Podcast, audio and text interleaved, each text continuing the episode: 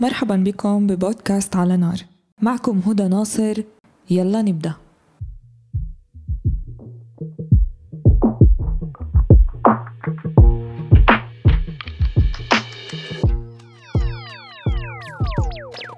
اليوم بدنا نحكي عن منصور عباس عضو الكنيسة ورئيس القائمة الموحدة ومؤخرا شريك في ائتلاف للحكومة الإسرائيلية هو والقائمة الموحدة.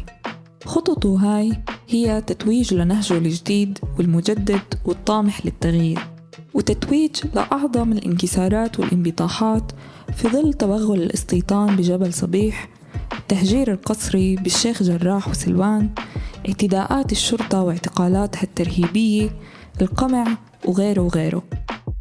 منصور عباس هو وخطابه وتصرفاته ظاهرة وقبل ما نحكي عنه تعالوا نحكي عن اللي سبق هذه الظاهرة.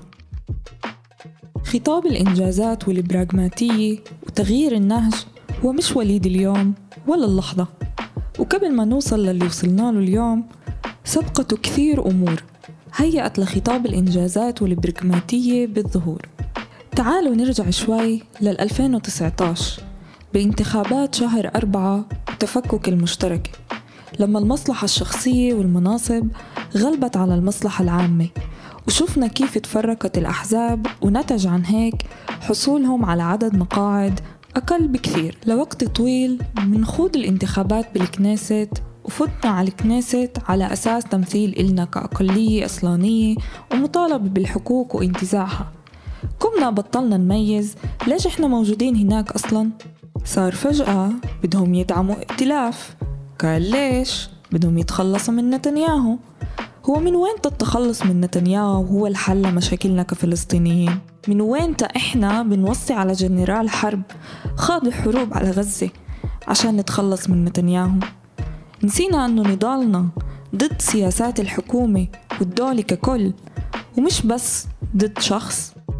طيب وبعد ما نزلوا نزلتهم الشهيرة وتكللت بالفشل وصارت كمان انتخابات لأنه ولا طرف شكل حكومة المشترك تفككت. وهالمرة بإيدين منصور عباس وحزبة. لكثير أسباب معلنة ومنها الغير معلنة. ومنها تقربه من نتنياهو واتفاقيات من تحت الطاولة بدعم نتنياهو مقابل بعض الوعودات الكاذبة. والمشتركة طبعا ما بتقبل تقعد مع نتنياهو لأنه أصلا حملتها كلها بتتلخص كما قلنا بإزالة نتنياهو من الحكم. فطلع منصور عباس بنهجه الجديد والمجدد والداعي للتغيير. طلع وكال بشكل واضح غير متذبذب. لسنا في جيب أحد لا يمين ولا يسار.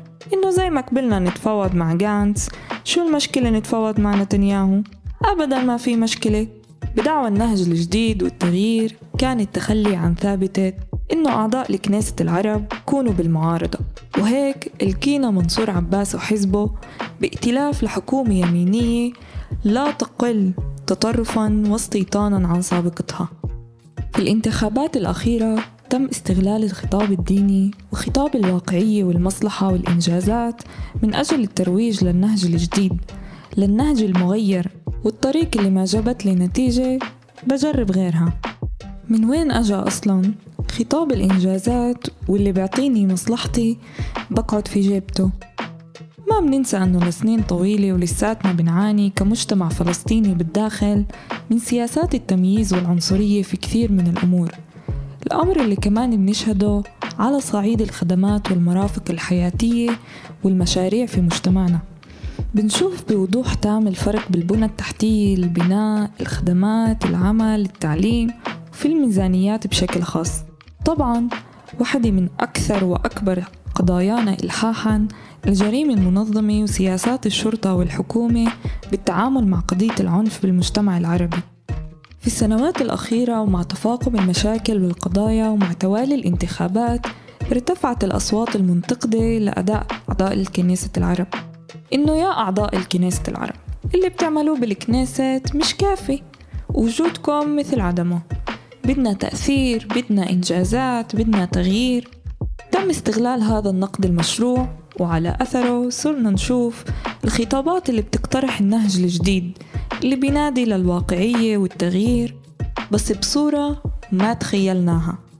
إنه خلينا نغير ونجرب نجرب مع نتنياهو مع دوركمان مع سمارتريتش بن كفير. عادي مش مهم المهم نجيب إنجازات. المهم إنه إحنا بنقرر إذا الحكومة تتشكل ولا لا. المهم أكم مليون رح يعطونا إياهم. نتفك مع كذاب محرض عادي مش مشكلة. حتى لو ضحك علينا مش مهم. خطاب الواقعية والتأثير وتسويق حالة اللامبدئية على أنها حالة واقعية. هل الإنسان المبدئي اللي بده يحتفظ بهويته وانتمائه وبده حقوقه كاملة ويعامل بشكل متساوي هل هو إنسان غير واقعي؟ هل الفلسطيني صاحب الأرض اللي ما بتخلى عن مبدأه وثوابته وما بتنازل عنها هل هو إنسان غير واقعي؟ من وين صار كل واحد همه؟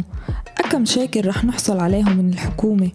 من حكومة أصلا هي اللي سعت لإفكارنا وإغراقنا بالجريمة وهدمت بيوتنا كيف بنطلب من الجلاد الحماية؟